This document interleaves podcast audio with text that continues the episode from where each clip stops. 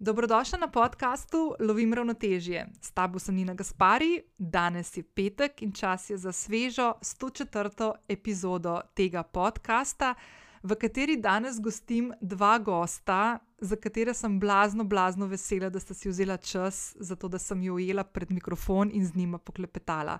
Danes sta z menoj sociologinja Jana Javornik in soustanovitelj in tehnični direktor podjetja Synergize Miha Kadunc.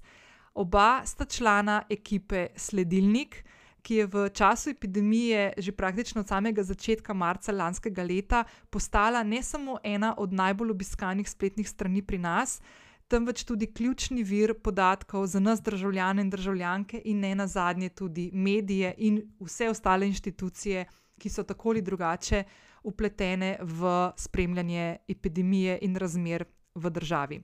V današnji epizodi se z Jano in Miho pogovarjamo o tem, kako je sledilnik nastal, kako poteka njihovo delo, ki je povsem na prostovoljni ravni, kje se skrivajo razlogi, da nam pri obvladovanju epidemije v Sloveniji ne gre ravno najbolje, in kako je ekipa sledilnika, s katero je od samega začetka sodelovalo že krepko prek 300 ljudi, povezala državne inštitucije in postavila en tak strokoven in pregleden sistem zbiranja podatkov. V ekipi sledilnika sodeluje ogromno ljudi, kot sem omenila, že prek 300 jih je delalo od samega začetka. Slišala sem, da na tedenski ravni je aktivno vključenih vsaj 50 ljudi, na mesečni pa vsaj 100 ljudi. Uh, in med njimi so programerji, statistiki, spletni oblikovalci, matematiki, fiziki, zdravniki, biologi, epidemiologi, sociologi, kot je Jana, in številni drugi. In njihovo prostovoljno delo, ki se je prelilo v tem času že v na tisoče ur, uh, so postavile nek tak učinkovit, sistematičen pregled za spremljanje podatkov, pa ne samo podatkov. Uh, člani, ki sodelujejo, oziroma ljudje, ki sodelujejo v projektu Sledilnik, ne samo da objavljajo in analizirajo in nekako interpretirajo podatke za nas, ki nismo strokovnjaki za spremljanje uh, statistik in statističnih podatkov, ampak tudi uh, objavljajo strokovne članke z različnih področji, ki so povezani z epidemijo in so res postali en tak. Vsaj za mene, jaz govorim zdaj iz svojega zornega kota, uh, prostor in vir, kamor jaz skočim, zato da spremljam situacijo v državi in da si nekako znam razložiti, zakaj se določene stvari dogajajo. In ravno zaradi tega sem zelo vesela, da lahko tudi podpiram projekt Sledilnik z mesečnimi, mehkimi mesečnimi zneski, ki mi jih trajnik uredi in vsak mesec pošlje v njihovo smer. Uh, danes v zapisu epizode te čaka kar nekaj povezav, ki sem jih vključila, zato ker bom res vesela, če bo še kdo od vas podporil ta projekt, ki bo, tako kot se danes tudi pogovarjamo z Miho in Jano, živel, upam, tudi v prihodnje. Uh, tudi o tem smo govorili, kakšna prihodnost čaka projekt, ko bo enkrat epidemije konec, um, pa seveda, kako lahko podpreš tudi ti ta projekt. Uh, sem pa ful vesela tudi, da je sogovornica današnja Jana v našem pogovoru povedala tudi svojo osebno zgodbo o tem, kako je živeti z long COVID-om. To je nova bolezen, ki jo znanost še raziskuje. Uh, kako je bolezen drastično posegla v njeno življenje in delo, in kako se vsak dan sooča in kako upravlja svoje vsakodnevne aktivnosti.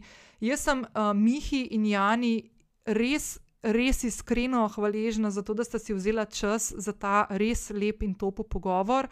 Um, kot sem rekla, jaz sem, si ne predstavljam zadnjega leta in pol brez uh, informacij in številnih člankov, ki jih je ekipa sledilnika uh, objavila uh, in interpretirala.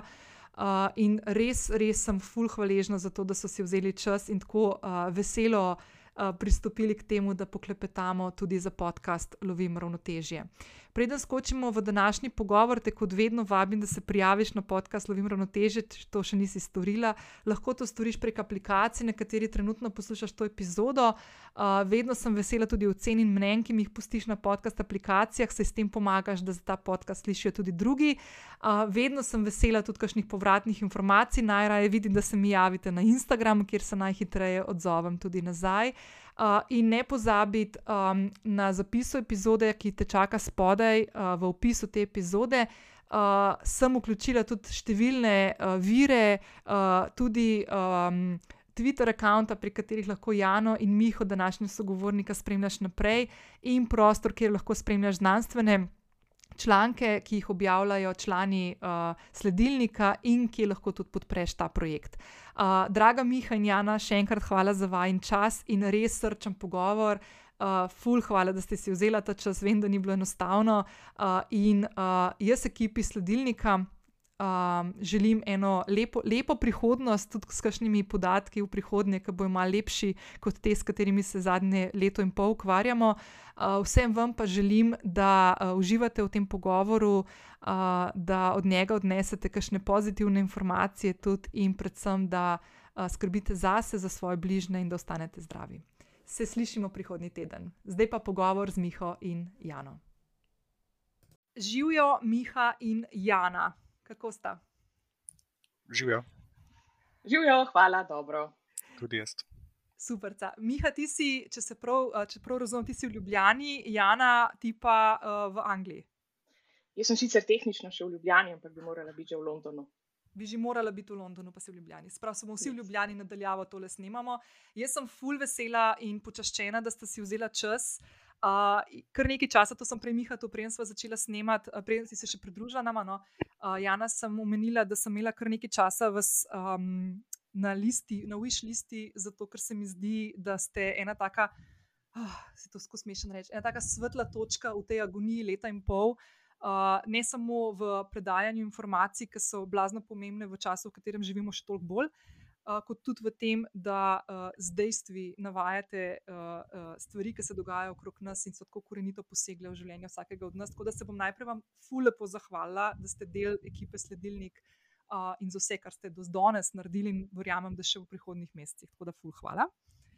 Um, zdaj bi pa mogoče začela tako, da naredimo en tak kontekst za moje poslušalke in poslušalce, da bi se mogoče najprej na kratko predstavila, kaj počnete v življenju, kako se je uh, prepletla um, zgodba s sledilnikom za vsakega od vaju, um, pa kako to zgleda v življenju. Pa vem, mogoče Jana, da bi ti začela, uh, da damo damam prednost, pa potem še Miha. Seveda. Uh, najprej, Nina, hvala za povabilo. Uh, z Miho sva to z velikim veseljem sprejela, ker namreč v sledilniku po takej demokratičnem forumu pač dobimo vsi priložnost in potem se na nek način najde ože ekipa, ki se odzove na različna povabila.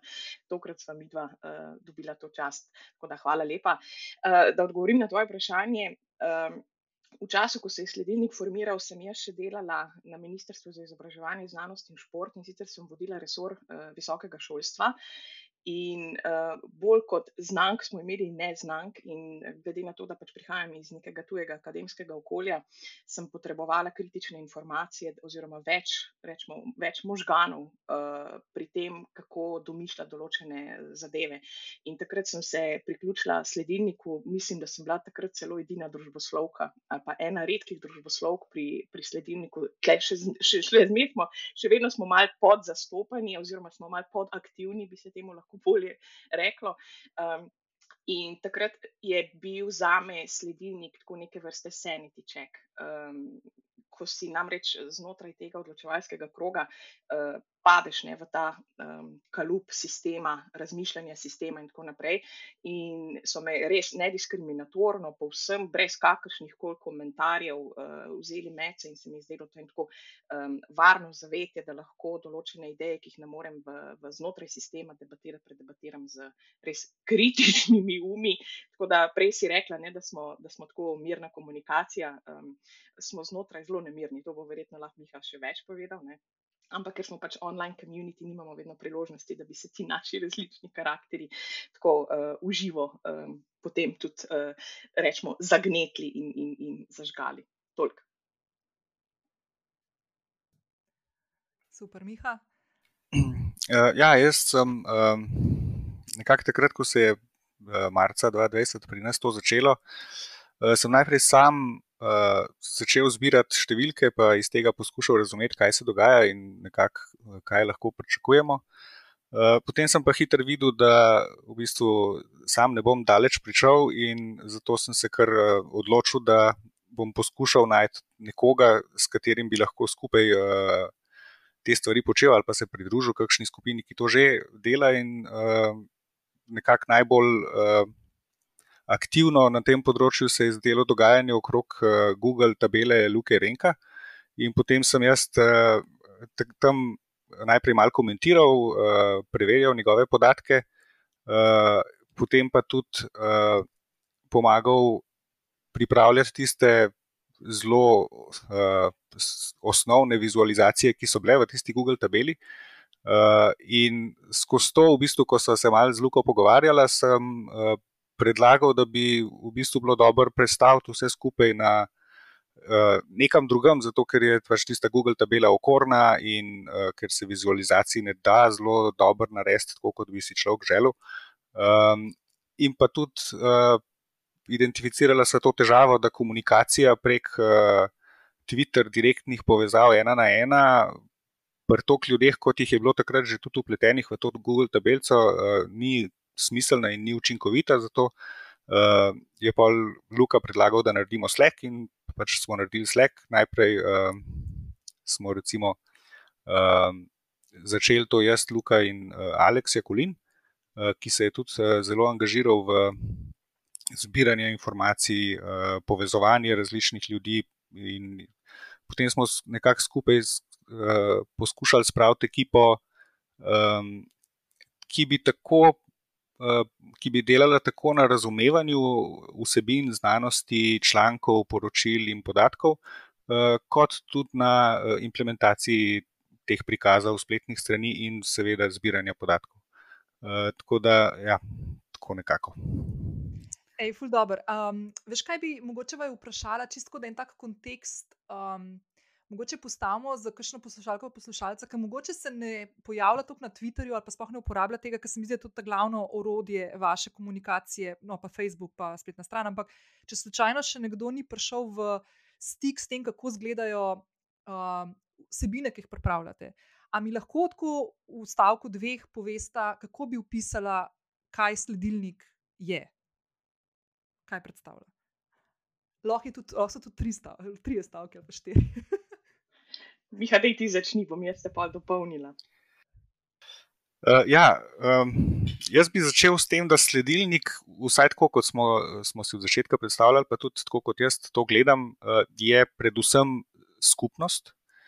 Uh, je popolnoma demokratična in samoorganizirana skupnost ljudi, ki imajo isti cilj narediti nekaj dobrega za družbo v uh, stanju, v katerem smo, v stanju epidemije. Um, in kot taka je v bistvu um, prostor, kjer je vse dovoljeno, uh, dokler se uh, pogovori in uh, akcije dogajajo spoštljivo, in uh, dokler pač skrbimo za to, da, je, da se vsak počuti sprejetega. Um, in pa stvari, ki se zgodijo na vzven, se pravi, kaj se razvije na spletnih straneh, kaj se objavi, uh, kako se sodeluje z mediji, uh, je pa v bistvu nekaj, kar je prepuščeno inicijativi posameznikov ali pa skupin, ki se formirajo znotraj te skupnosti. Uh, in se potem spet na demokratičen način dogovorijo, kaj se bo naredilo, in dejansko to pol tudi naredijo. Um, Zdaj, vsebine, s katerimi se ta skupnost ukvarja, so pa eh, povezane z, predvsem s podatki, z znanstvenim pristopom do analize in razumevanja podatkov, eh, z modeliranjem in eh, na koncu tudi z interpretacijo in prikazi teh podatkov za širšo javnost. Tako nekako je moje razumevanje, zdaj pa bi mogoče še Jana pove svojo sliko. Super, si začel, Miha. Jaz bi samo dodala, mogoče za, za poslušalke in poslušalce, ki ali pa ne poznajo koncepta državljanske znanosti, namreč citizen science je angliški izraz za to. In sicer tukaj smo uh, zbrani ne zgolj ljudje, ki delamo v znanosti, torej ne, ne zgolj ljudje, ki delamo v, v akademi, akademiji, univerzah in tako naprej, um, ampak vsi ljudje, ki imamo nekaj znanja, ki je potreben za to, da sledilnik je, kar pač kakor je Miha ga lepo opisal, skoraj torej ta uh, znanstvena skupnost. In um, kot sociologinja moram reči, da je sledilnik za me tudi ene vrste eksperiment, ki ga tako antropološko opazujem. Ker namreč to, kar je Miha prej lepo opisal, struktura um, sledilnika je zelo flat. Imamo ustanovitelja Luko ne, in potem še nekaj ljudi okrog Luke, ki jih je prej uh, tudi Miha navedel. Um, in tako nekako se mi zdi, da vedno čakamo potem, kaj bo Luka na koncu rekel, ne, ampak um, cel, cel proces do tega, da Luka nekaj reče, pa Luka ponavadi sploh na koncu nič ne reče. Glavnem, tako zelo preprosto ne, se določa določene stvari, recimo, dajo enostavno na glasovanje in potem pač večinsko mnenje uh, prevlada. Kar me izredno uh, veseli in to mislim, da bi bilo res dobro povedati ljudem, ki nam poslušajo, je to, da smo izjemno uh, vljudna skupnost.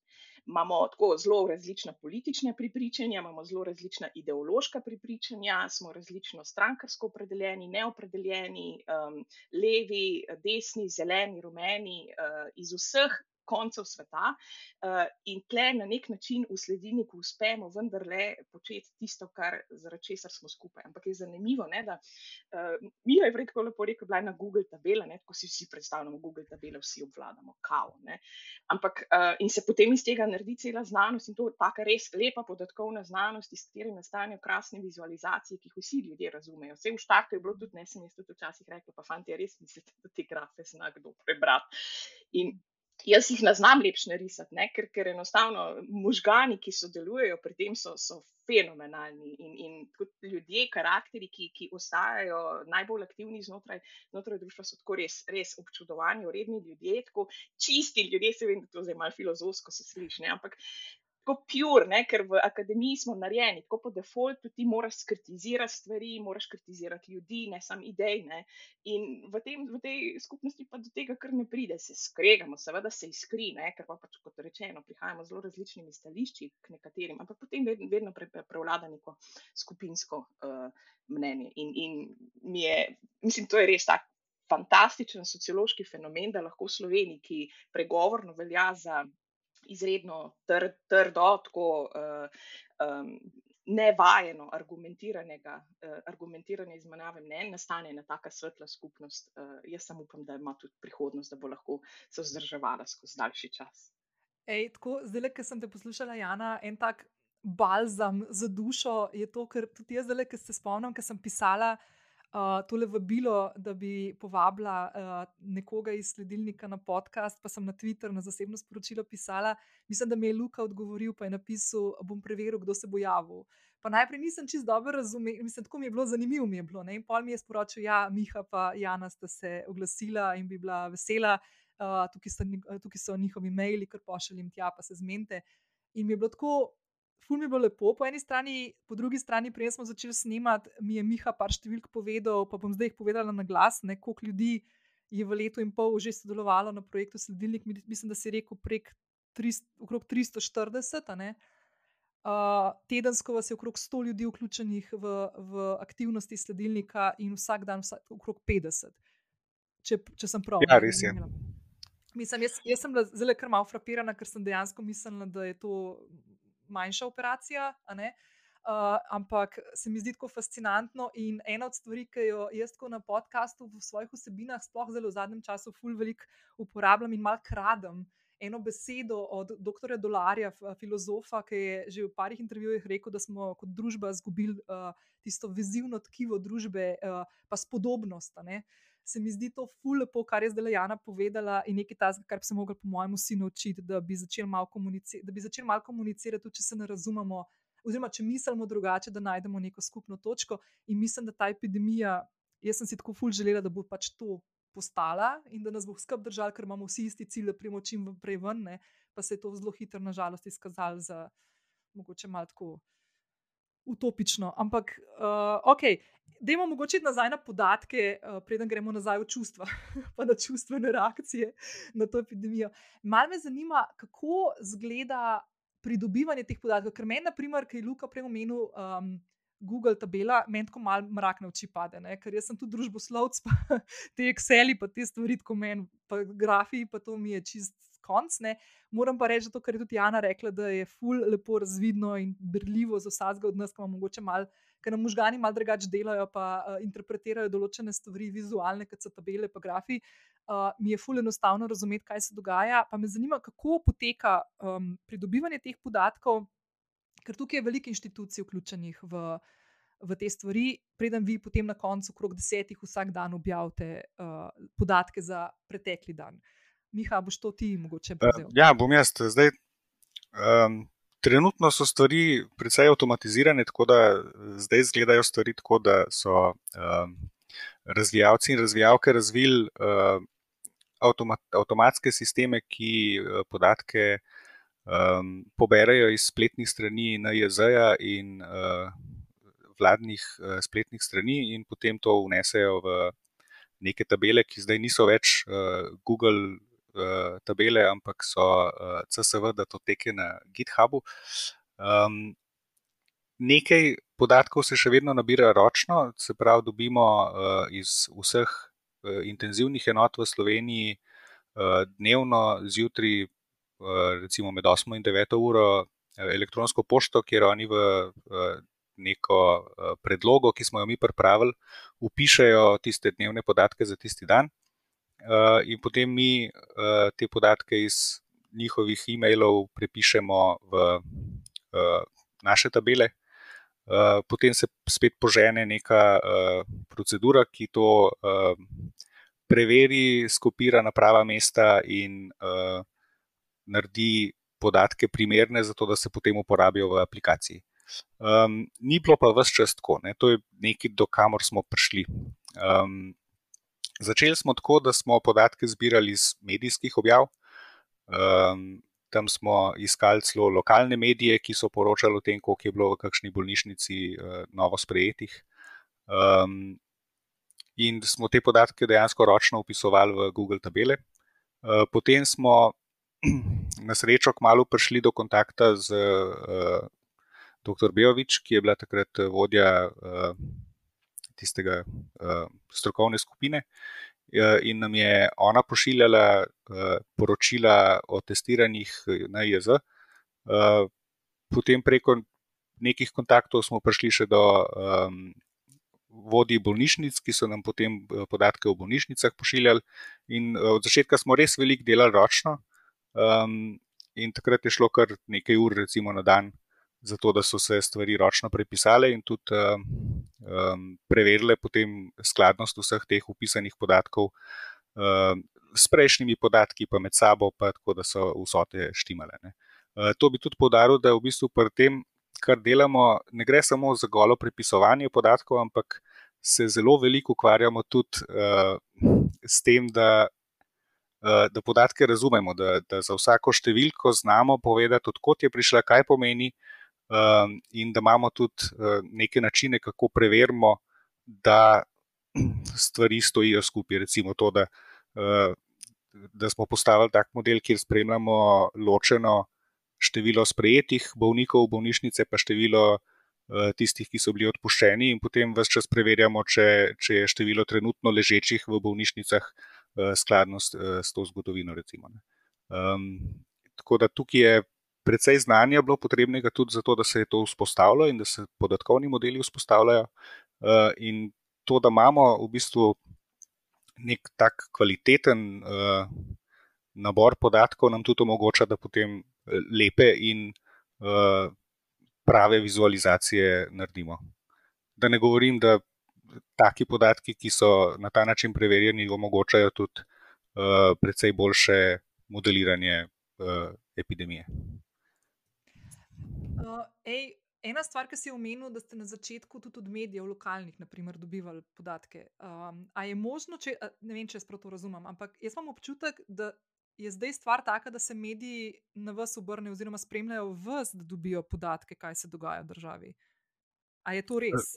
Ja, to je uh, kar res, uh, precej je tudi takih lokalnih medijev, recimo kakšnih spletnih strani, ki celo našo spletno stran vključijo kot en delček uh, na svoji strani. Um, za njih smo celo posebej delali uh, razvoj takih komponent. Um, tako da ja, zdaj so se stvari malo obrnile. Um, je pa še vedno tako, da so nekateri podatki, ki si jih želimo, pa jih včasih izvemo samo iz medijev. Uh, Ko nekdo na novinarski konferenci nekaj pove, in je to pač sicer zelo slab podatek, ker je samo mogoče na en datum, ampak v odsotnosti vsega ostalega je tudi to dobro. Uh, primer v zadnjem času je recimo to, kakšna je porazdelitev cepljenih in necepljenih uh, na različnih bolniških oddelkih, kar je nekaj, česar nimamo v, v uradnih podatkih ali pa v tistih podatkovnih virih, ki jih uh, stalno zajemamo. Mhm. Pa če se jaz spomnim, se je tudi zdaj v času, odkar živimo v tej realnosti, velikokrat spremenil način, kako na državni ravni spremljajo podatke, oziroma katere podatke kam zapisujejo, v katere kategorije. Ne. To vem, da ste se tudi tukaj. Ne lovili, navednice, ampak ste mogli prilagajati tudi svoje delo in pa tudi svoje. Mislim, da sam uh, pomen podatkov ali pa kategorij se niti ni bistveno spremenil. Spreminjal se je mogoče edin takrat, ko se je nekaj časa uh, hitre teste upoštevali med potrjene primere, uh, potem se je pa to ukinilo, ampak ti se je bilo zelo kratko obdobje, pa mislim, da je bilo to edina taka stvar, ki se je zgodila. Uh, sicer pa, kar se veliko spremenja, je pa tehničen način, kako ti podatki prihajajo uh, do nas. Uh, ker je bilo od začetka to neko poročilo, ki je bilo interno, pa je pa uh, um, po nesreči prišlo do nas ali pa je padlo z tovrnaka. Um, potem so, bilo, so bila to poročila, ki so uradno prihajala na naš naslov, um, potem so bile um, neke objave na spletnih straneh eh, na JZ, uh, in zdaj v, v zadnjem uh, času pa so dejansko. Uh, Izvorne tabele objavljene na, na portalu Odprti podatki Slovenije in s tem precej podatkov dobimo um, ali pa um, nekako, kako se temu reče, postrgamo podatke iz uh, NJZ-evega uh, PowerBI portala oziroma tiste aplikacije, ki jo ima NJZ v, uh, za prikaz na svoji spletni strani. Mhm. Super. Jana, nekaj si se oglasila, da bi nekaj dodala? Ja, Obstaja en uh, strokovni izraz, ki se mu v slovenščini lahko reče rudarjenje, v angleščini pa data mining. Ne? In uh, sicer to je, Miha bi znal povedati, po moje, tri ure nam lahko pove, govori o tem, kaj je to rudarjenje. Ampak če rečemo, da za poslušalce in poslušalke to pomeni to besedno, kar beseda pomeni rudarjenje, torej rabiš kramp in s tem krampom kopati po, po različnih zidovih, zato da prideš do tistega podatka, ki ga rabiš, in fanti in, in dekleta. Ne? Kolegice in kolegi so v začetku to dobesedno skoraj skrampi počeli.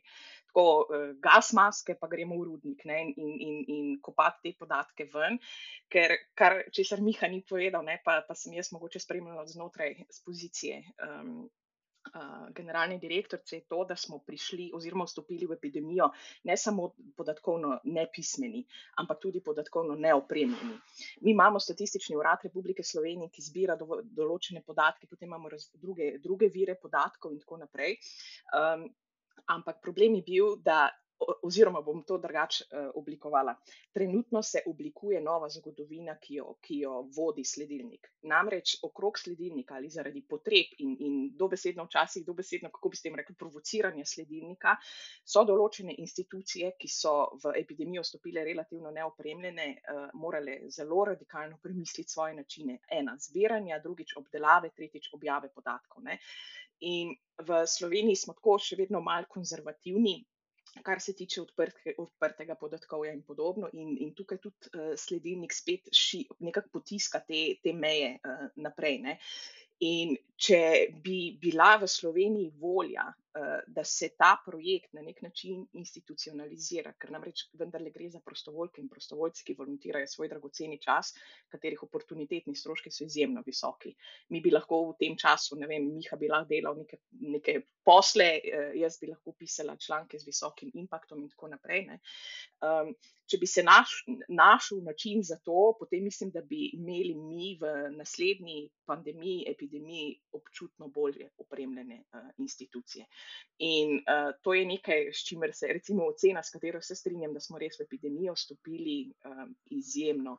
Nepripravljeni, kar se tiče spremljanja podatkov. In nekaj, kar recimo na sledilniku pogosto izpostavljamo, je, da kar se ne meri, potem ni, uh, nekak, ni kar se ne spremlja, ni potem uh, se ne oblikujejo politike okrog tega. In ena od teh je tudi bila ne, ta dashboard, uh, kaj zbirati, katere podatke objavljati. In jaz že tako dolgo časa govorim, da bi bilo treba imeti tudi, recimo, dolgi COVID, pa nimamo podatkov. Uh, ampak tle je ta catch-22, pa, pa, pa piščanc jajc dilema, ne, kaj je prej. Uh, ampak tle bo lahko Miha tudi več povedal na to temo. Uh, je pa seveda ne vprašanje, kaj ti na ta dashboard obesiš. Um, in recimo, tako kot se je skromno začelo, poglejmo, kje je zdaj ne sledilnik, je dejansko nekakšen centralni hub uh, za podatkovje v Sloveniji na temo COVID-a. Miha.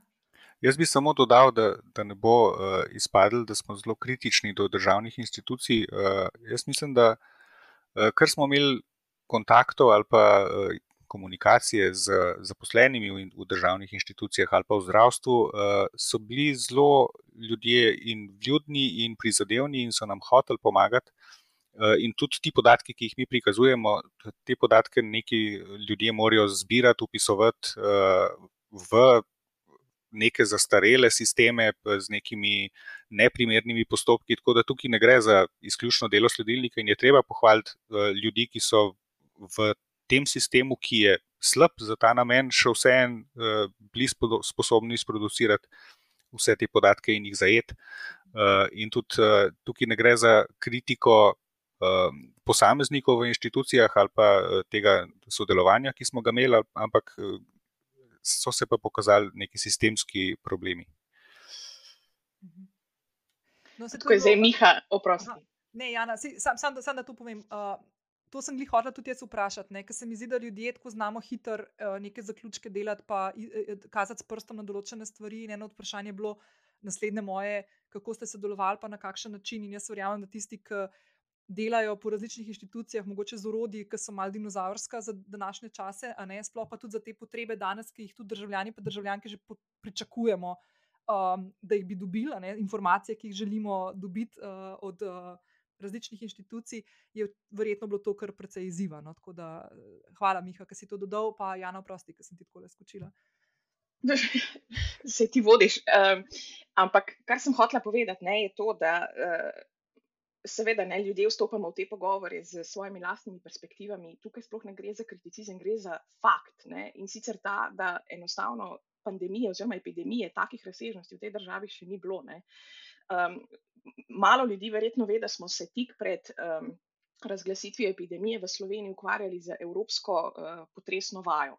Eh, ki je uh, zelo drastično pokazala, kako nepripravljeni smo tu nekateri, nekatere institucije, ne, ne civilna zaščita, ne vojska, te so odlično pripravljeni, policija. Ne, ampak recimo že samo na Ministrstvu za izobraževanje, znanost in šport nismo imeli pripravljenih ustreznih strategij za soočanje recimo z popotresnimi um, um, obnovami. Ne, kako recimo vzpostaviti sistem v nekih ekstremnih razmerah. In jaz sem v tistem trenutku, ko se je ta evropska potresna vaja simulirala, uh, imela tako sklican cel direktorat, ker smo razmišljali o tem, in v istem trenutku dobila mail iz ene od univerz, kako se soočiti z prihodom kitajskih študentov v Slovenijo. Takrat je namreč bil virus samo še na kitajskem, ne še nič, takrat se še Italija ni zbudila in tako naprej. Uh, Uh, skratka, tako veliko enih takih, rečemo temu, serendipeti, ne, kjer se srečajo različne naključja.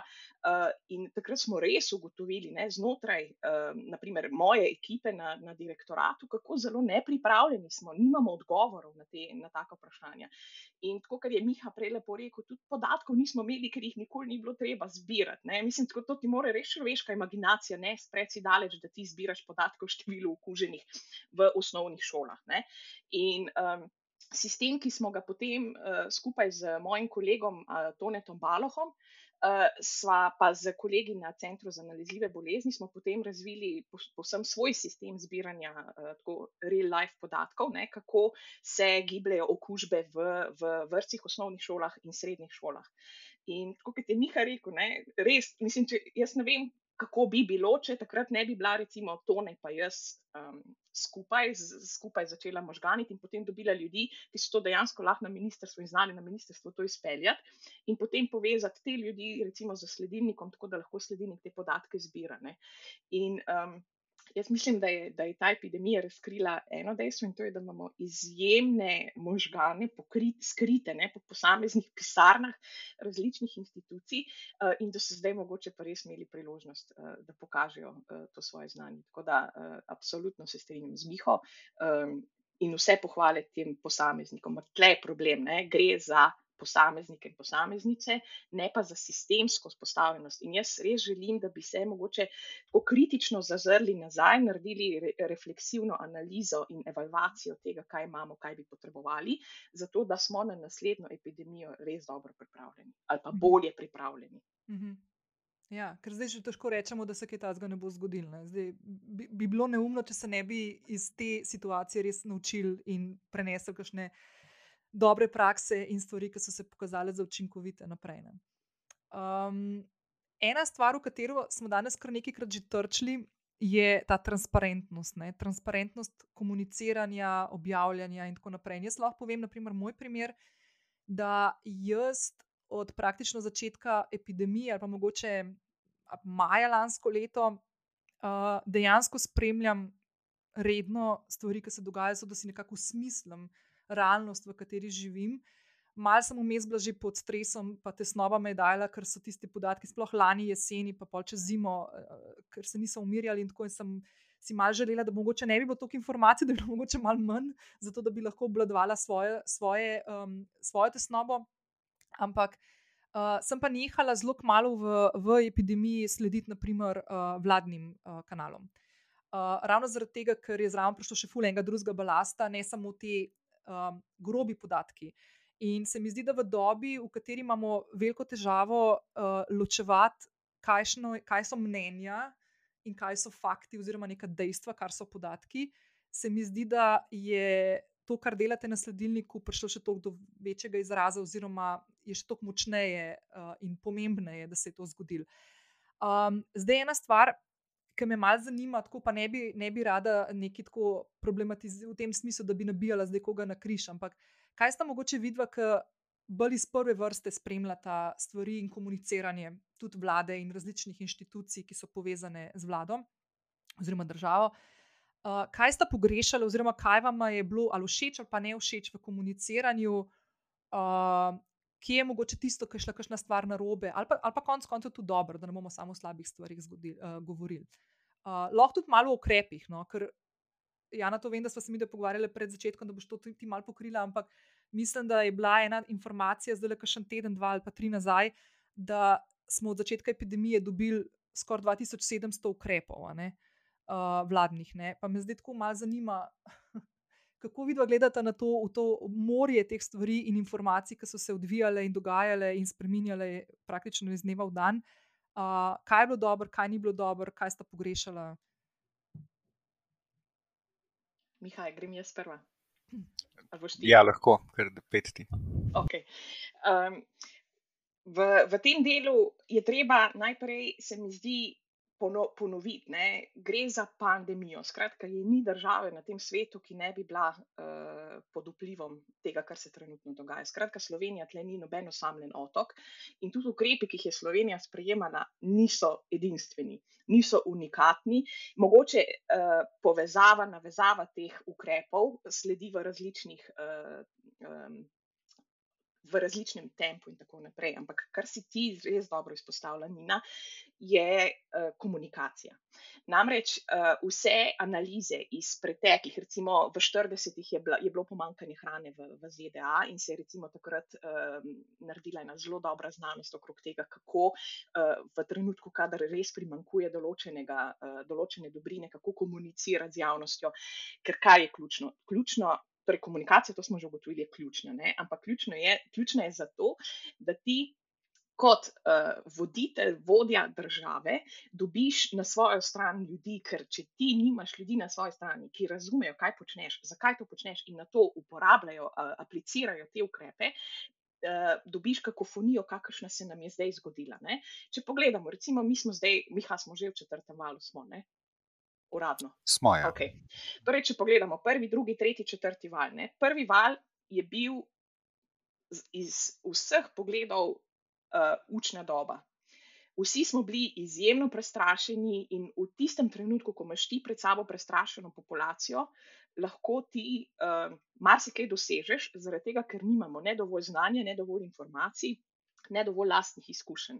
In v tej fazi recimo vlada delo opravila zelo dobro. Lahko se seveda zdaj ocenjujemo, ali se, je, ali se je preveč konzervativno ali premalo konzervativno takrat odzvala, ali je pretirano ukrepala in tako naprej. Znanost kaže, da je v takih trenutkih, ko je preveč neznank, vedno bolje ukrepati bolj konzervativno, bolj ostro, bolj strogo, kot premalo. Ne? Uh, potem se nam je pa zgodil drugi val, in med prvim in drugim valom enostavno ni bilo dovolj učne dobe. In v, tako se zdi, kot je, kot je um, um, avtor, zdaj se ne bom spomnil, in to, ko se mi zdi v mladini zelo lepo opisal, ne, da se ti valovi, vali v Sloveniji tako uh, koledarsko precizno ponavljajo, lekcij pa ni ne, in se te lekcije ne vlečejo. In ker se iz te prvega vala nismo naučili dovolj, kako komunicirati. Koliko komunicirati, kdaj komunicirati in kdo komunicira, smo potem zgodi, dobili drugi val, po katerem je pa zaupanje slovenske javnosti začelo posebno upadati. Tako kot ste rekli, ne, v prvem valu se mi zdi, da smo bili prikovani na televizorje, radije. Jaz sem začela še radio poslušati takrat. Tako, na, na vseh medijih, zato ker sem lovila vse možne informacije. Uh, Potem pa smo nekateri, ki smo bolj opremljeni za to, da znamo triangulirati vire informacij, začeli pridobivati informacije iz tujine, iz različnih znanstvenih virov in tako naprej. Nekateri ljudje pa ne. ne. In tisti, ki niso opremljeni za, za sprejemanje teh različnih informacij, so zelo hitro začeli na nek način odpadati od tega, ker je bil njihov primarni vir informacije vladna informacija. Zdaj pa pogledajmo, kje je problem. Torej, kdaj komunicirati? Nismo nikoli vedeli, ker nas je celo kdaj preko Twitterja pozval, da smo v nedeljo zvečer šli gledati tiskovno konferenco. To je no-go.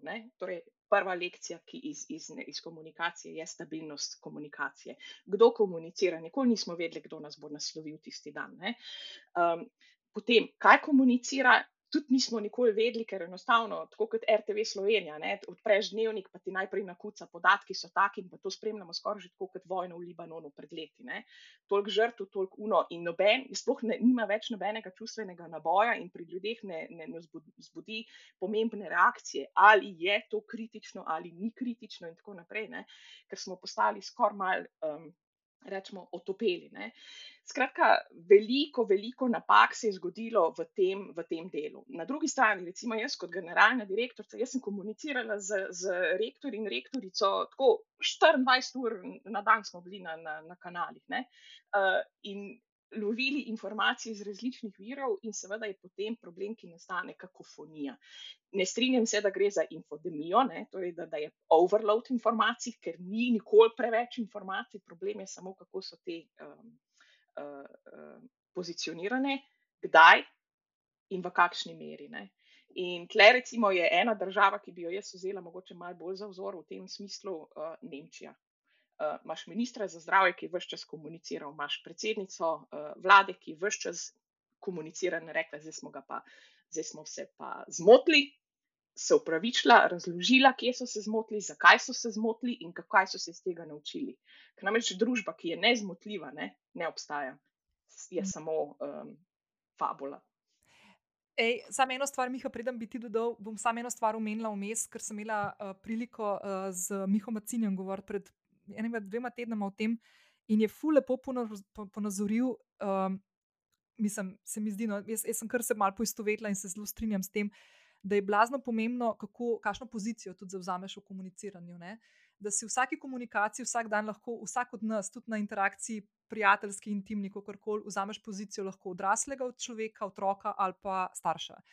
In, naprimer, primer, ki si ga Jana navedla, Nemčija, je bil primer, ki ga je tudi on izpostavil kot primer odraslega načina komunikacije, sprav odraslega človeka z odraslim človekom.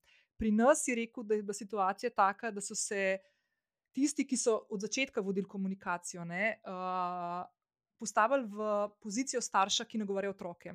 In mi, otroci, državljani, smo se začeli zelo hitro temu upirati. Ne, ko smo poslušali razne uh, tisti tam na klopcah v Tivoliu, ki se lupčkate, to ni ok. Ne? In smo valjda dobili takoj tisto, čist ne, na nezavedni ravni smo se začeli malo tako postavljati, se mi pa tega ne počne, kako to zdaj misli, kako nas napada, kar zdaj pa nič ne moramo. Uh, in se mi zdi tukaj, da je taka, um, da bi se lahko. mal pogovarjali tudi o tem, no, kar si prej omenila, kar ste omenila, kaj bomo odnesli od te epidemije, kaj se bomo naučili. Ne? Da ena stvar je to komuniciranje, kako, kako se ga vodi in kako bi ga bo treba voditi. Ne? Mislim, da bomo imeli ogromno dela na tem, da se bo spostavljalo zaupanje v vse institucije na vseh ravnih. Uh, in ena, ena od stvari je to, da se bomo začeli kot družba učiti, kako, um, kako preverjati, oziroma kako um, brati in kam iti po informacije. In se mi zdi, da tukaj, kaj vi delate kot sledilnik, je ena ful pomembna naloga in vloga, ki jo igrate v tem, da uh, ste eden od tistih virov, do katerega gre človek, zato ker ve, da bo dobil tiste pre preverjene in double-checkane stvari in informacije v obliki podatkov, ki se jih potem interpretirane. Tako da sam to sem hotel dodati, Miha, pa te pustim zdaj besedi. Uh, ja, se, se malo navezuje tudi uh, na to. Jaz sem hotel sam uh, to istočnico od Jana, kako se, so se v Nemčiji zmotili, uh, uporabiti za to, kar je pa mene zmotilo v, v komunikaciji s podatki. Jaz ne morem komunicirati, ne morem komentirati uh, komunikacije na splošno, ker sem premalo uh, učen v tem smislu, ampak me je pa zmotilo, da se je s podatki komunicirali po eni strani na način, kot da je govorec nezmotljiv ali pa da je znanost absolutno ve, da je problem človek na klopci, ki se lupčka. Se pravi, da se ni znal te nedoločenosti, ki je pri, pri vseh interpretacijah in pri vseh modelih, uh, ki jih je znanost producirala, je zelo velika. Uh, in uh, ta ponižnost, recimo, govorca, ki bi morala biti tam zraven, zato da bi lahko povedal, da nečesa ne vemo, ali pa da tega pa uh, iz podatkov ne moremo videti, ali pa uh, uh, znanost nima odgovorov še. Ne? Delamo pa na tem in uh, delamo to in to, zato da bi te odgovore lahko dobili. Uh, tega ni bilo in uh, to je bilo meni moteče, zato ker je bil. Uh, Ker sem jaz dobil občutek, da uh, ljudje, ki govorijo o nekih uh, stvarih, kot da so uh, splošno sprejeta dejstva ali pa da so znanstveno dokazana dejstva, ne vejo, o čem govorijo, oziroma da hočejo mene zavajati. Um, druga stvar, ki se mi zdi, da je malo povezana in da je manjkala, je. Um, Mogoče neka bolj pripravljena uh, interpretacija oziroma analiza teh podatkov. Eh, podatkov, modelov in vsega povezanega s podatki. Ne. Ker se je zdelo, kot da uh, si govorec na novinarski konferenci sam uh, izbere model, ki ga bo v tistem trenutku predstavil, zato da bo ustrezal njegovi zgodbi, in iz tega modela uh, ali pa iz, tist, iz teh podatkov, ki jih uh, tam kaže in predstavlja, sam najde poudarke na grafu in iz teh poudarkov sam potegne neke zaključke, ki niso bili. Eh, recimo, preverjeni strani neke strokovne skupine ali pa neke skupine um, podatkovnih analitikov, modelarjev uh, in potrjeni, ali pa da ni bila narejena dovolj uh, tehtna analiza, ki bi podpirala take trditve. Um, in zato Eh, te, temu smo se v sledilniku vedno hoteli izogniti, zato v sledilniku zelo pogosto rečemo, da se nečesa ne da povedati, eh, da se iz podatkov nečesa ne vidi, da pa če že, potem pa bi lahko uh, podatek pomenil nekaj, uh, z, pa, ampak še vedno z veliko negotovostjo. Ne. Um, tudi, recimo, ena stvar, ki jo pogosto poudarjamo, je, da se iz samo enega uh, iz ene časovne vrste, recimo o potrjenih primerih, zelo težko uh, konkretno sklepa na to, kaj se dogaja ali pa kaj se bo dogajalo. Da je treba gledati uh, celo skupino različnih podatkov skupaj, se pravi potrjene primere hospitalizacije, intenzivne enote, da je treba uh, pogledati, kako je. To porazdeljeno po starostnih skupinah, da se upošteva zraven še smrti in podobne stvari, um, in da so stvari veliko bolj kompleksne, kot pa jih v bistvu uh, hočejo uh, kakšni uradni govorci predstavljati uh, na novinarskih konferencah ali pa na televiziji. Ful, dobra istočnica, Jana. Na, zdaj mi je pa dolgi COVID zažvižgal, zdaj sem pa pozabila, kaj sem hotela reči. Ampak, um, aha, v, za razliko recimo od tega, kako delujejo določeni uradni kanali, je sledilnik tudi multidisciplinaren, ne samo interdisciplinaren, ampak dejansko vstopamo ljudje z različnimi znanji, z različnimi uh, zaledi, izo, izobrazbenimi strukturami in tako naprej. In to plemenitenje različnih disciplin je ključnega pomena tudi pri upravljanju epidemije. Mi smo imeli eno krasno okroglo mizo pred časom na sociološkem srečanju o tem, kjer smo dali celo recimo besedo medicinskim sestram, civilni zaščiti. Skratka, segmenti, ki dobijo zelo malo pozornosti. Ne? Ampak zakaj so recimo naredile uspešnejše države? Ena od uspešnejših v tem smislu, ne bom zdaj izpostavljala Dansko, ker ljudje mislijo, da je Danska super duper, ne? ampak pozabljajo, da pač so državljani tudi ali pa prebivalci Danske tudi malo drugačni od Slovencev. Ne? Recimo en dober primer tega je UK. UK je naredila en tako en tisoč napak dnevno, ne? ampak naredila je pa eno stvar in to je, da je že pred mnogimi leti poskrbela, ampak to od mnogimi leti, tudi desetletji, recimo, da je znanost del vsakdana Britancev. Mhm.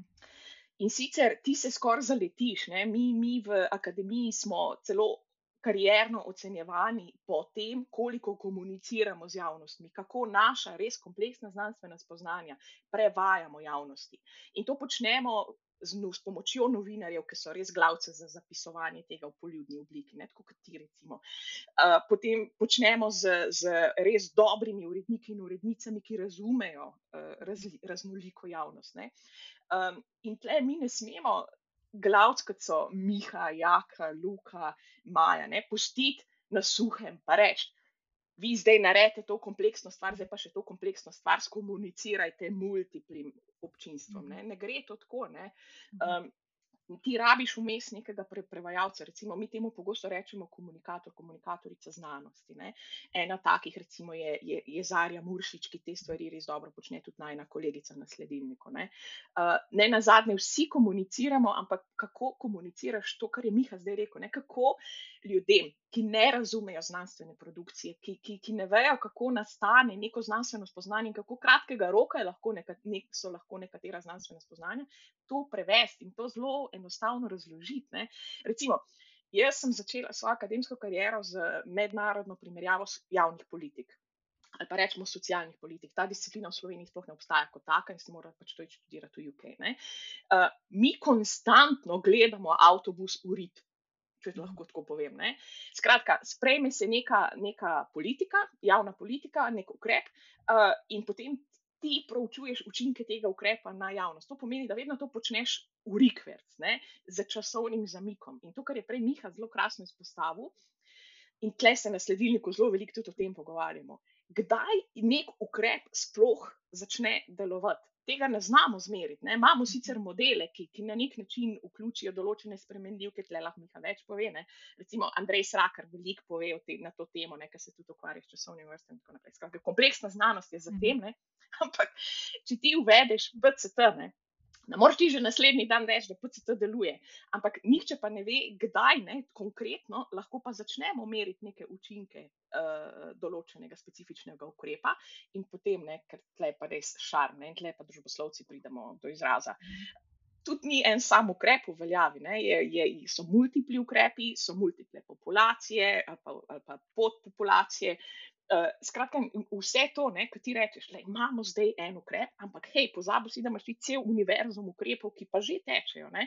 Mhm. In kako zdaj izločiti, koliko recimo vpliva um, nošnja mask versus PCT. Um, znamo izolirati, Ampak še vedno, ko znamo to izolirati nek z nekimi matematičnimi formulami, te, to, to, to niso brezhibni podatki, kot je Miha rekel. Ne? Mi smo tako rezervirani in če slišiš kdaj kakega resnega znanstvenika, recimo Miha bi bil en takih, ne? ali pa recimo Andrej Srakar ali pa Jani Žibert, Maja Zaležnik, ki delajo te modele. Uh, nikoli ne bojo rekli, za 100% verjetnostjo trdim, da je to in tako in tako. Ne. Mhm. Računalničari, kar bo pa tudi Miha lahko povedal, ima en zelo lušken koncept, digo, ne, garbage in garbage out. Skratka, če imaš ti slabe vhodne podatke, imaš ti potem tudi slab model, ne glede na to, koliko si glavca, pa znaš teži, teži uh, uporabljati, koliko znaš ti različne modele uporabljati, koliko kompleksno matematiko vladaš če imaš slabe vhodne podatke, ti ne moreš narediti resne znanosti. Tle me pa vseeno zanima, Maja, eh, Nina, tudi to, kar si ti rekla. Um, omenila, ne, zakaj slovenska javnost zaupa sledilniku. Naprimer, ti si sicer zdaj dala dobro istočnico, ne, ampak uh, mene to kot raziskovalko resno zanima. Kaj sledilnik dela tako unikaten, da mu slovenska javnost tako zelo zaupa? Ali je to odsotnost neke alternative, uh, ali je res to kvaliteta sledilnika? Ne vem, in o tem, tem pa nimam odgovor. Tako upam, da se bomo na sledilniku lahko tudi o tem pogovarjali. Ej, ful dobro. Veš kaj, uh, Miha je ful dobro, pa si pa ti Jana nadaljevala. Eno stvar, ki se mi zdi, da je mogoče v naši instantni družbi, ki je obremenjena in okužena s tem, da uh, mora takoj dobiti neko quick fix ali pa neko rešitev, kar je sploh v času, v katerem živimo, ne mogoče in se moramo od tega malo učiti. Po mojem, smo se mogli malo vsi na vsaki. Vsak na, svojem, na svoji ravni. Ne. Jaz se spomnim lani, naprimer, ko uh, se je začela epidemija, sem mogla svoj uh, občutek nadzorovanja in tega kontrolfrikovstva spustiti, da sem lahko v novinicah preživela iz dneva v dan v svoji glavi stvarmi, ki so se dogajale. Uh, eno stvar, ki sem um, jo tudi jaz zasledila na parih podcastih, tujih, ki jih poslušam, je točno to, kar je Miha omenil uh, pred par minutami, da znanost nenehno sama sebe preverja in uh, gleda, kje je naredila napake. In v času, v katerem mi živimo, uh, kjer se ogromno komunicira, uh, nenehno poskuša biti transparenten uh, do državljanov in državljank z različnimi stvarmi, se je treba zavedati, da včasih se je treba tudi malo posuditi s pepelom, če dobimo neka nova dognanja. Ne? In jaz mislim, da mi, jaz, jaz naprimer, to ful pogrešam pri nas, to, kar se je, naprimer, kaj Miha omenil, zgodilo v Nemčiji, oziroma Jana, ti si imela zgodilo v Nemčiji, pa še v kakšni drugi državi, da to ni tako izpostavljeno. In se mi zdi, da take stvari na koncu pripeljejo do tega, da začnemo ljudje, mislim, in še en kup drugih stvari, da začnemo ljudje biti um, malo mal se zgubljamo. Uh, hočemo imeti neko zaupanje v znanost in v znanstvenike, potem čez nekaj časa ugotovijo, da tisto, kar so govorili par mesecev nazaj, ne drži več. Kako naj se nekdo zdaj, ki ni strokovnjak, znajde v, v tej poplavi? Ne? In ena od stvari, ki sem jo jaz poslušala, pa se mogoče bi mal premaknila v, v to zdaj, naslednjo fazo, ki smo jo doživljali okrog cepljenja in, in kampanje o cepljenju. Se mi zdi, da tukaj to res do izraza prišlo. In um, se spomnim, da sem pred časom poslušala podcast New York Timesa The Daily in so govorili o ljudeh, ki se niso cepili še. Ne? Kako jih hitro označimo kot anti-vaxxere, ker vse, da damo v isti koš. Ne?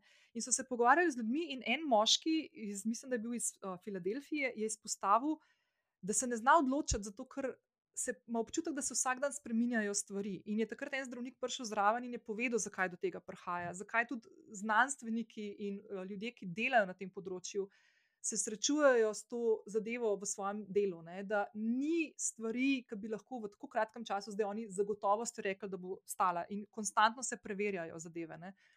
In me zdaj zanima. Mm,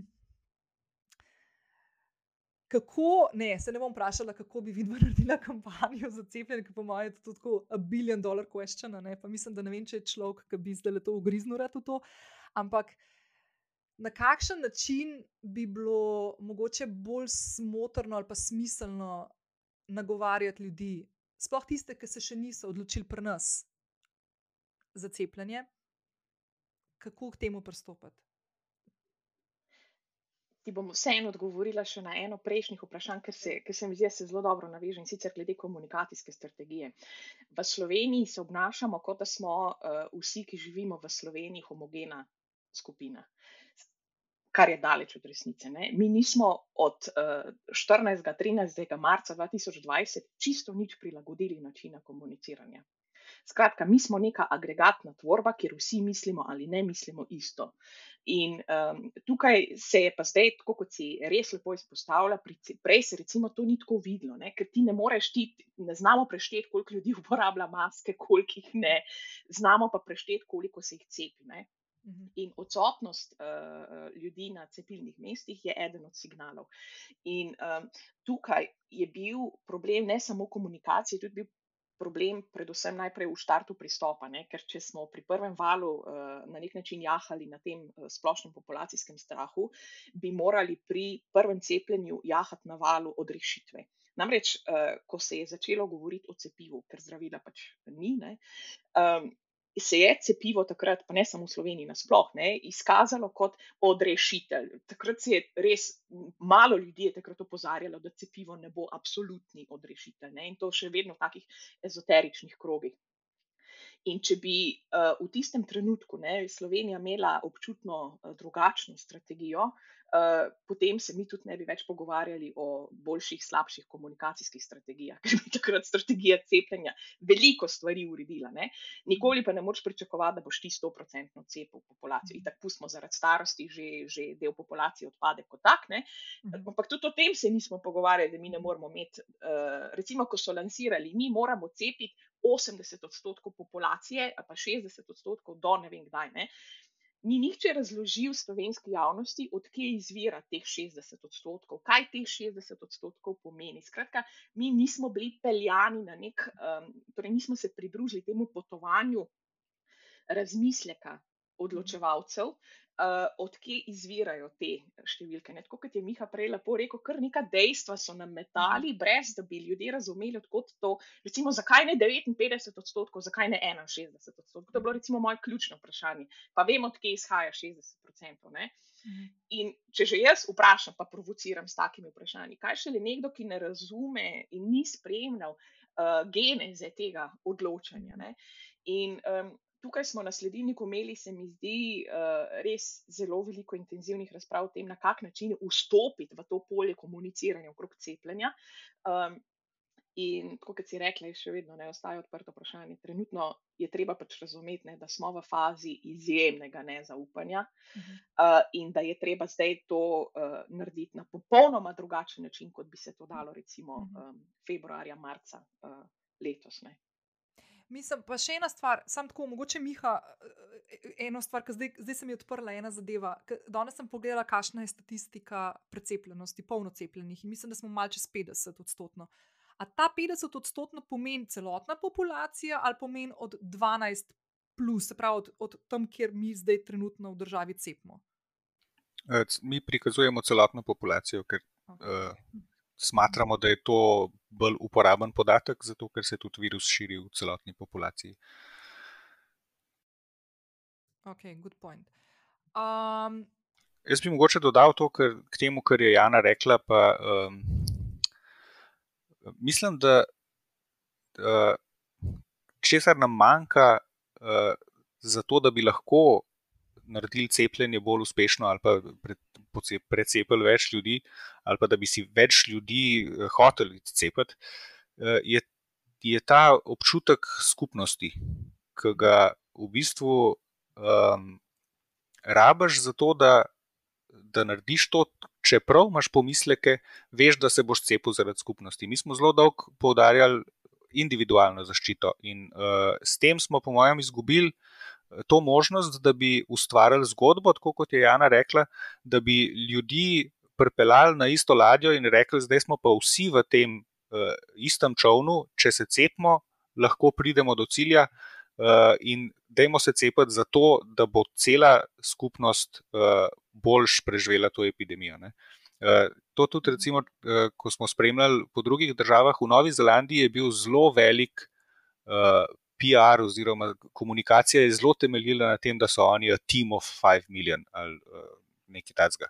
Se pravi, da so ustvarjali uh, iz cele nacije ekipo, ki se skupaj bori proti epidemiji. Pri nas je pa uh, vsa stvar razpadla že uh, nekaj tednov, praktično po začetku. Ne.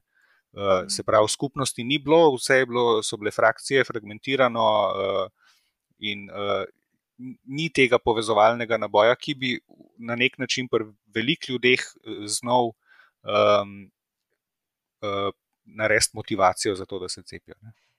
Ful dobro se to izpostavil in da dejansko bi lahko vsak od nas se počutil kot en heroj v nizu verige celotne, ne kot nekdo, ki uh, ne, um, čaka, kaj bo drugi naredili, kot se pri nas doskrat dogaja. Ne.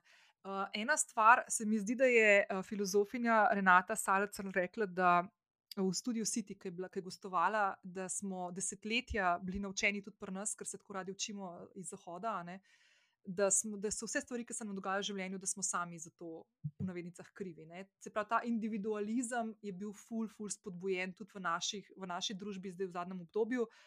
Uh, in je zelo težko v situacijah, ki se zgodi, kot je epidemija, potem pričakovati od ljudi, da bodo pa kar naenkrat začeli uh, miselne procese spremenjati in gledati na skupnost. In zato bi bilo treba te stvari dejansko fulbol komunicirati. Ne. In jaz vem, ker um, vsakič, ko objavim kakšno stvar na to temo, pa moram reči, da v zadnjem času se tega mal, uh, ravno zaradi tega uh, mal uh, omejujem. Um, da poskušam vedno skomunicirati to, da ko moja odločitev za cepljenje je padla, bom prav povedala vam. Decembra lani, takoj ko so napovedali, da, bo, da so začeli dobivati cepivo, ena od novoletnih, uh, ne za obljub, ampak načrtov je bilo, da sem si že decembra, mislim, da 27. napisala, da se moram cepiti za COVID, proti COVID-u in HPV-ju, mimo grede, tudi to, to sem tudi letos upravila. Uh, tako da to in uh, je izhajala najprej in primarno iz mene, se pravi, čist sebična, jaz hočem sebe zaščititi. Ne? In druga točka je bila, da seveda želim svojo odločitvijo prispevati tudi k nekemu skupnemu dobremu, kar je tisto, kar se mi zdi, da nam malo manjka. Vsak od nas, oziroma ne, bom zdaj malo mal bom, mal bom posplošvala, ne, zelo velike tega ne bo noben meni govoril, ne, noben ne bo meni rekel, kaj moram narediti. Meni se je malo zgublja tukaj, da ni to tako kot ena druga, malo drugače, kot ti lahko s svojim v bistvu dihanjem ne, posežeš v, v zdravje in življenje nekoga drugega, ki je ob tebi, ne. blizu ali pa ne blizu, ali mimo idoči v trgovini ali pa tvoj uh, sorodnik. Um, Jana, si ti hodila še kaj dodati tukaj, preden vprašam naslednjo stvar? To, kar je Miha rekel, ne, to tematiziranje skupnosti ni izostalo zgolj pri cepljenju, je izostalo vse čas upravljanja epidemije, ne, da, smo, uh, da smo v tem skupaj. In tako kot je potem, kasneje se v UK vzpostavila ta, uh, ta fraza, ne, um, smo v isti nevihti, nismo pa na istem čovnu, se je samo utrjevalo. Ampak tole, kar si pa zdaj ti povedala, ta individualizacija odgovornosti je pa ravno na področju zdravstva ali zdravja uh, začela tako intenzivno spon že leta 1990. Uh, eh, in re, re, lahko samo spomnim, recimo, športaj, poskrbi, ker bo to vplivalo na tvoj imunski sistem. Uh, to so recimo meni zelo pogosto dajali v, v poduk, ne? ker pač dolgi COVID sem si zakuhala sama, ker nisem imela dosti močno razvitega imunskega sistema. In potem so seveda še nekateri speljali naprej, ker nisem dovolj športala. Pa kaj ti veš o meni, ne? če nisem dovolj športala? Skratka, te korelacijske zveze, ne? ki rečejo, ali pa kauzalne zveze celo, ne? športaj, boš imel zdrav imunski sistem, boš zdrav, ergo si, si ista flona. Ne?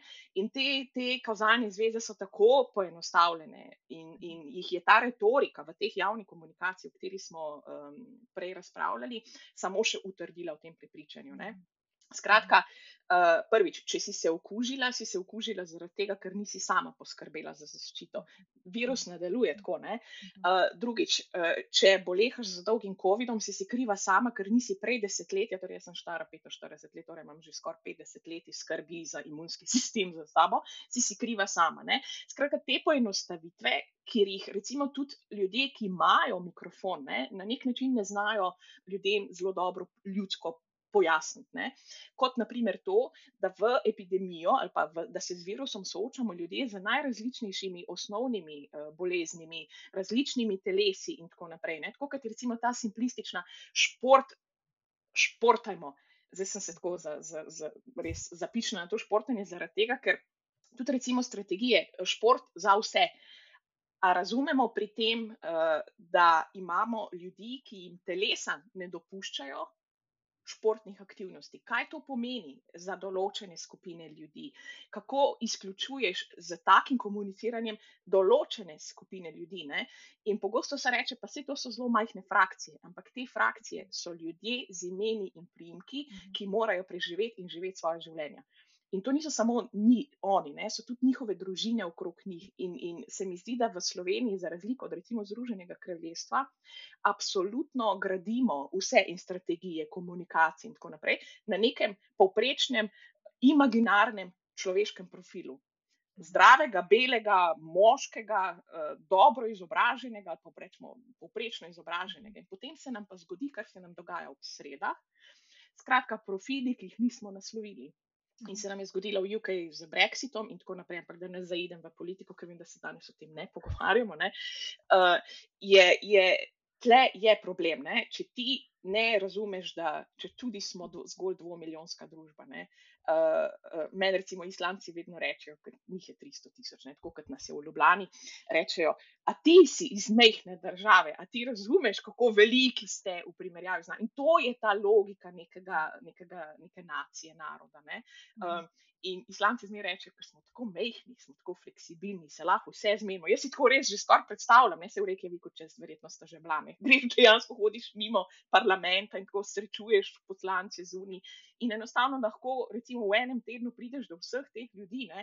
Um, in to so te uh, sploščene uh, organizacijske strukture, ki gradijo nas in tematizirajo skupnost, kar je pa nam v Sloveniji res podletelo. Mm.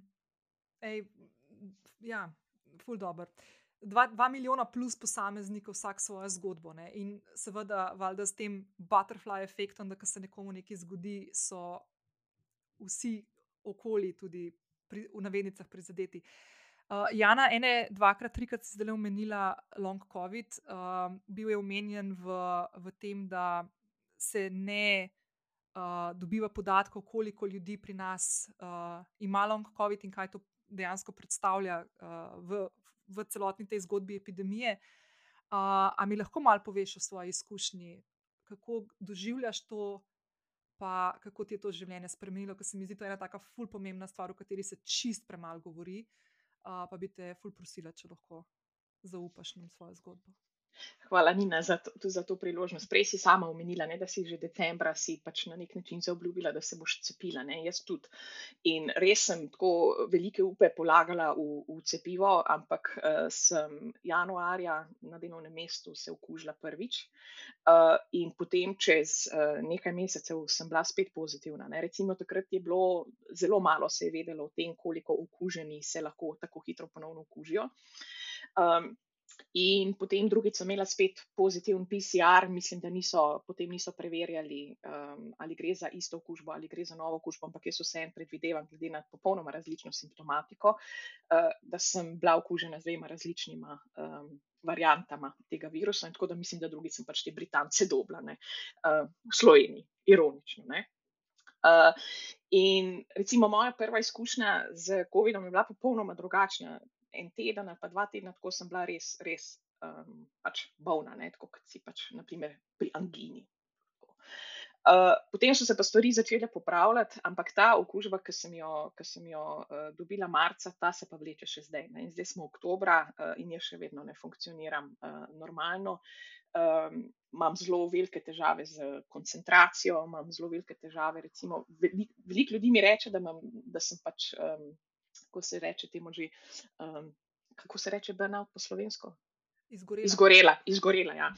Uh, in recimo ena razlika med izgorelostjo in, in um, rečemo temu, kar trenutno vemo, da bi naj bil uh, večorganski unitnostni sindrom ali dolgi COVID, je uh, težave z dihanjem, s pljuči in težave s srcem.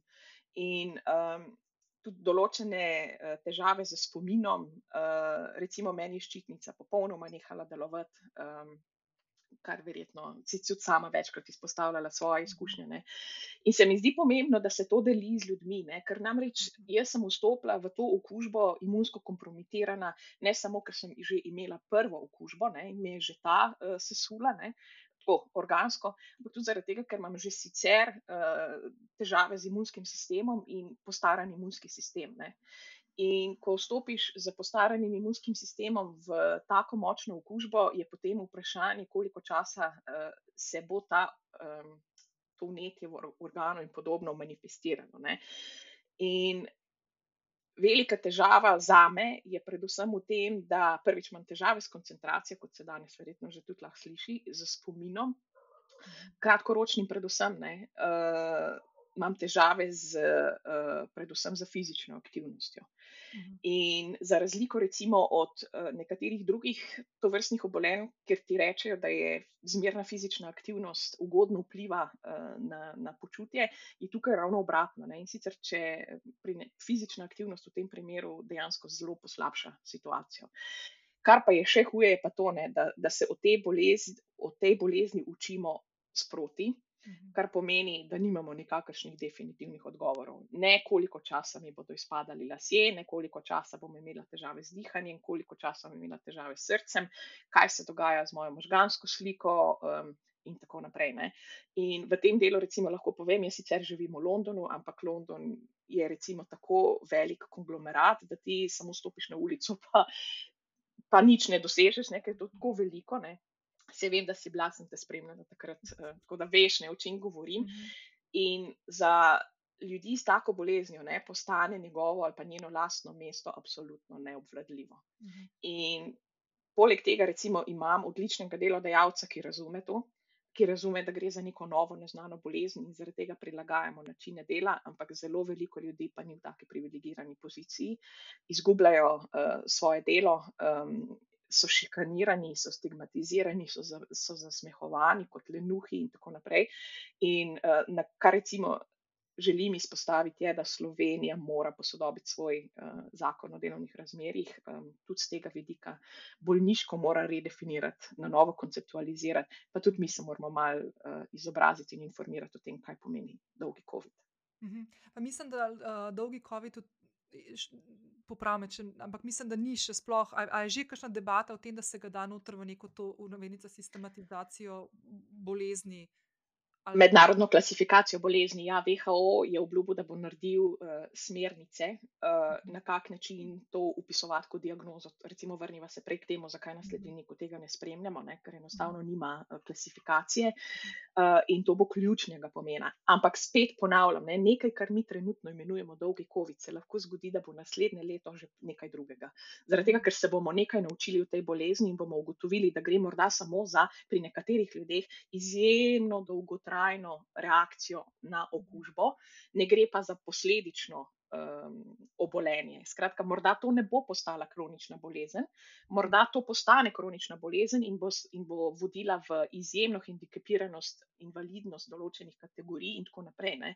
Skratka, res želim um, najnim, našim poslušalcem, poslušalcem poslušalkam pač razložiti, ne, da nekaj, kar vemo danes, morda jutri ne bo več resne. Ampak to ne pomeni, da se je znano zmotila, ampak da je gradila na znanstvenih spoznanjih in da je temu ustrezno potem prilagodila tudi družbene usmeritve in smernice.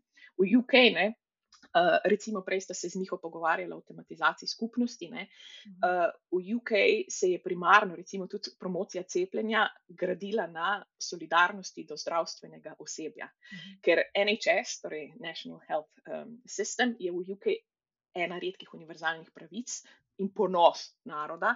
Uh, in recimo tudi ta identitetna točka NHS mora obstati, ker smo vsi odvisni od njega, ne, je potem vodila tudi v to. In enako je pri dolgem COVID-u. Um, Uh, tudi NHS trenutno dela izjemno veliko. Danes sem ravno čivknila na to temo, kaj imamo zdaj v UK.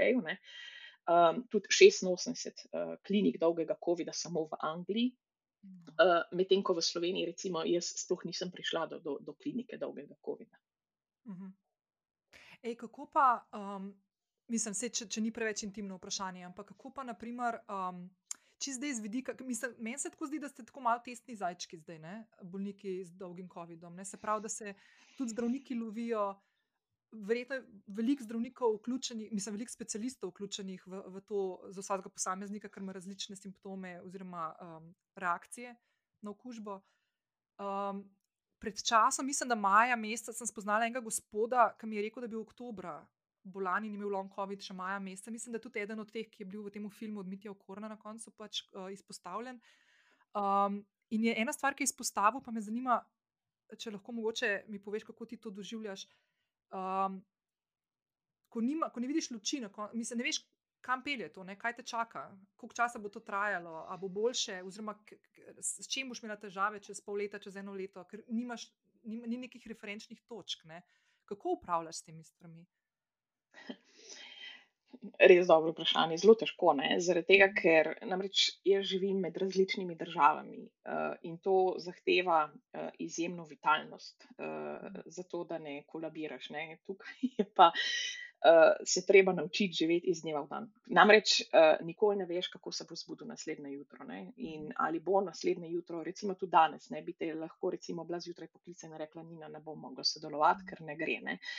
kaj ključnega pomena, je ta, da, da smo dovolj samozavestni, da se znamo poslušati svoje telesa, slišati in slišati, ne, ne samo poslušati, ampak tudi se slišati in enostavno komunicirati z svojimi okolji.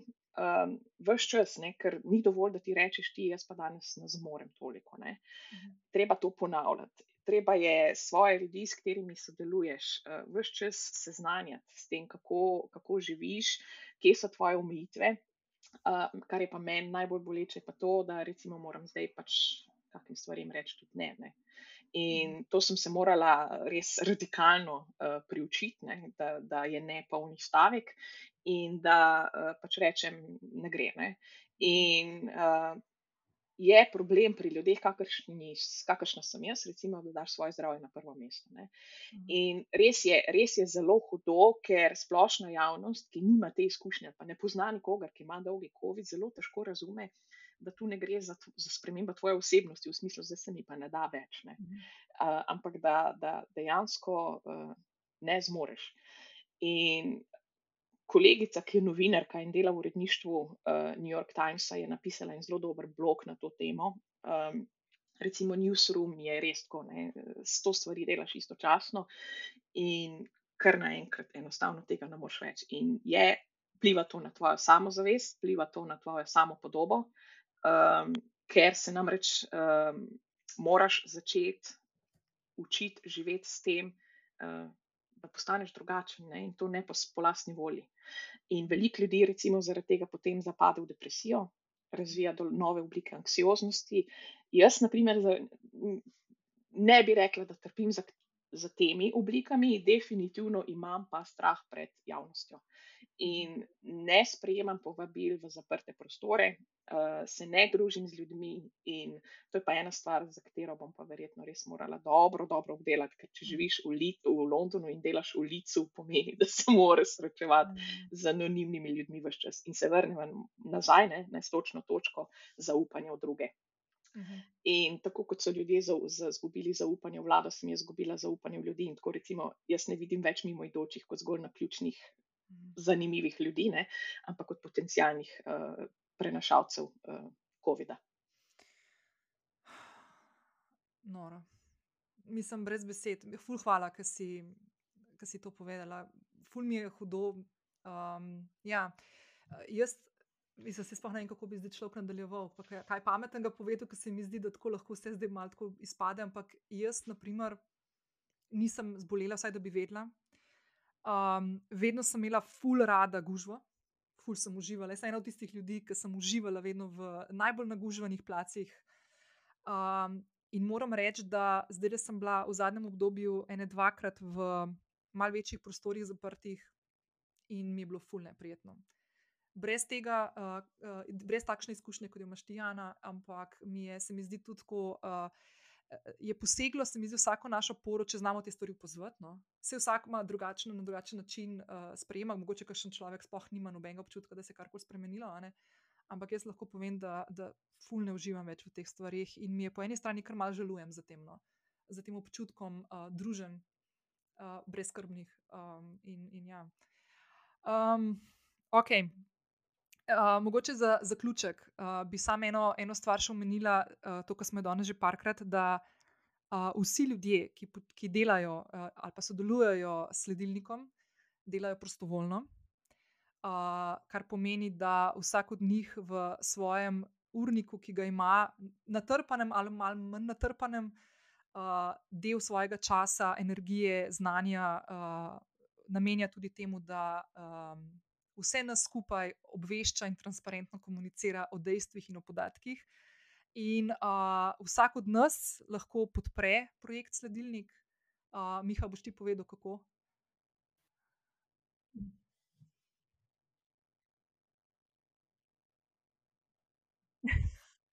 A si me začel vikati? O, Miha ima zginil. Uh, Miha je dol padel. Miha je dol padel, to je bil presenečen. Miha izklopil se je in rekel: Ne vem, bom grem pogledat, ne hitam se. Nekaj um, ne povedal. A boš ti povedala, Jana? Dej. Ja, možno je tako na spletni strani ne, uh, sledilnika najdete vse te informacije, tudi ne vem, podrobnosti. Ne, se bom tudi jaz dala, Jana, se bom tudi jaz dala link na zapis epizode, pa spodi v epizodo, da lahko ljudje hitro najdejo, ampak dejansko si lahko narediš trajnik. Uh, zato, da ti vsak mesec izbrano, izbran znesek od 5 evrov naprej uh, prek PayPala ali kako koli se ti vzame in lahko podpreš ta projekt, ki mislim, da je eden od svetlih točk uh, zadnjega leta in pol.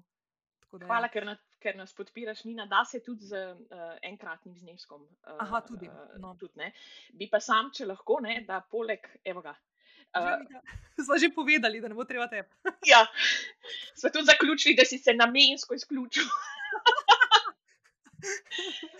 ne, ampak sam hotel sem še povedati, Miha pa me popravno, ker um, tudi recimo. Uh, Prostovoljke in prostovoljce tudi zbiramo tako aktivno, ne, ne samo tako, jaz velikokrat sam pametujem, ne, uh, recimo ljudje, kot je pa Miha, pa zelo veliko delajo. Ne, in, in, in, um, recimo imamo pač komunikacijsko skupino, uh, ki vodi ta Marko in Barbara, pa jaz potem kdaj pametujem, sem tako v zadju. Tako, res, mhm. mislim, fantastični ljudje, ki zelo veliko delajo.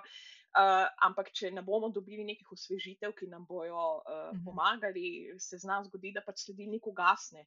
Ker, um, recimo, ena od lekcij, ki pa smo jih uh, dobili, je pa ta, ne, da je tak sistem ni vzdržen. Ker, um, In tle sploh ne gre za denar. Ne.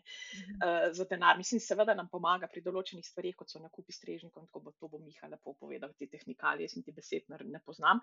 Evo, spet je dol padel. Um, Bog in Miha.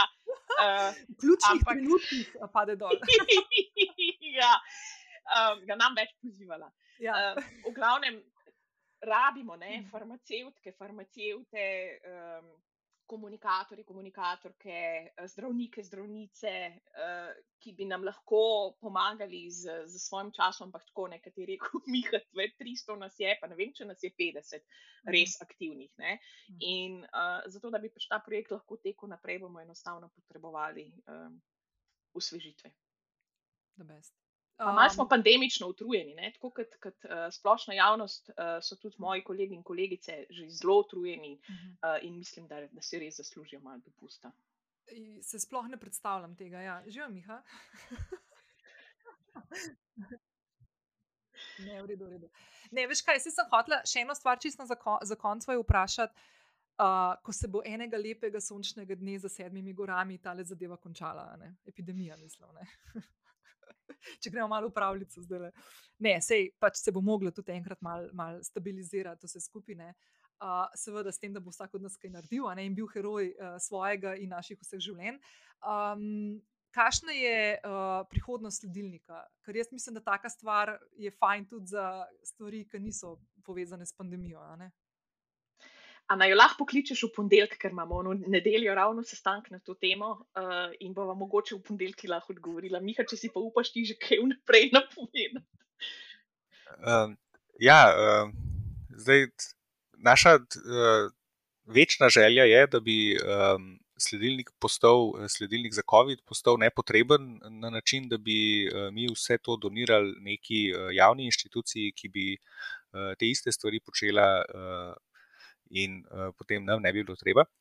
Um, se pa tudi mi zavedamo, da je ta skupnost nekaj edinstvenega in uh, nočemo tega izgubiti, zato um, pač iščemo vsebine, uh, s katerimi bi se lahko ta skupnost ukvarjala še v prihodnosti, in trenutno je identificirana uh, vsebina uh, podnebnih sprememb. Uh, tako da um, upamo, da nam bo uspel uh, najti dovolj um, energije ali pa dovolj uh, ljudi z željo po aktivnem delu na uh, recimo spletnih straneh in podobnih vsebinah, uh, da bo nastalo tudi kaj uporabnega za javnost iz tega. Evo, aktivno državljanstvo uh, vklopljen gumbek. Pa jaz bom kar dvignila roka, pa bom rekla, da se kar javljam, Miha, ne vem, uh, prej, ker te ni bilo, ker si uh, zelo strateško v ta pravem momentu padel spet dol. uh, sva z Jano govorili o tem, da se skozi ljudi išče, ker ste tudi nekateri, ki ste že od začetka malo utrujeni, mislim, fajn utrujeni, res sem že jaz, ker sam spremljam te stvari tako dnevno. Si sploh ne predstavljam, kako je še, kako to delaš zraven službe. Um, kako se lahko človek, ki bi mogoče hotel kaj pristopiti zraven, pa pomagati, da ti še par rok, pa glavo. Uh, kaj lahko naredi? Piše na spletne strani. Na lahko piše na info-mail, lahko uh, nas kontaktira na Twitterju ali pa na Facebooku. Um, pa, ja, um, vedno rabimo ljudi, ki so pripravljeni nekaj svojega časa nameniti uh, temu, kar mi počnemo. Uh, jaz bom te stvari vse polinkala v zapis epizode, tudi uh, Facebook, pa Twitter, račun, kjer lahko sledilnik spremljate, dragi poslušalke in poslušalci. Pa jaz dvigujem roko, tako da uh, takoj, ko boste kaj rabili, ali pa bom napisala no, uh, z veseljem, če boste videli, da lahko kje vam pomagam in doprinesem, z veseljem skočim zraven. Um, najlepša hvala. Najprej kot uh, državljanka Nina za to, kar počnete od praktično prvega dne epidemije lani marca. Um, ful sem hvaležna vam za to, uh, ful sem hvaležna za en kup enih vsebin, ki jih poleg tega, kar vi objavljate, objavljate iz drugih virov, preverjenih virov. Uh, hvala vama za čas uh, in za krasen pogovor. In, uh, upam, da enkrat v priliki, na kakšnem sončku v Ljubljani ali pa v Londonu, da gremo na kakšen čaj ali pa gin tonik ali pa neki, pa na zdravem življenju. Tako da hvala. Hvala, ker si nam dala priložnost, tudi ne na zadnje, da se z Miho malo drugače spoznava, kot smo se do zdaj. Uh, tudi to je prednosti naše online skupnosti. Uh, pa definitivno vabljena v London. Ne bom zdaj cele Slovenije povabljena, ker mislim, tega pa vse ne morem. Ne. Mora še kdo tukaj ustati. ja, tako. ne, ne, res, hvala, hvala Jana, ful, pa Miha, tudi tebi. Hvala. Hvala tebi za povabilo, pa še posebej za te povratne informacije, ker uh, imamo zelo radi, da nam kdo pove, da nas kdo malo spodbudi in razloži, da smo nekaj prispevali k lažjemu preživljanju tega obdobja, mm -hmm. ker konec koncev je to bil naš namen. Ful, hvala. hvala pa pozdrav vsem. 50 tedensko, 100 uh, mesečno, pa 338, ki so do zdaj bili tako ali drugače povezani s projektom Sledilnik. Tako da, ful, hvala in držite se. Enako. Pa zdravi bote. Ja, pa zdravi bote. Lepo ja. te ja. najta, hvala vam. Enako, čau. Čau, čau. čau.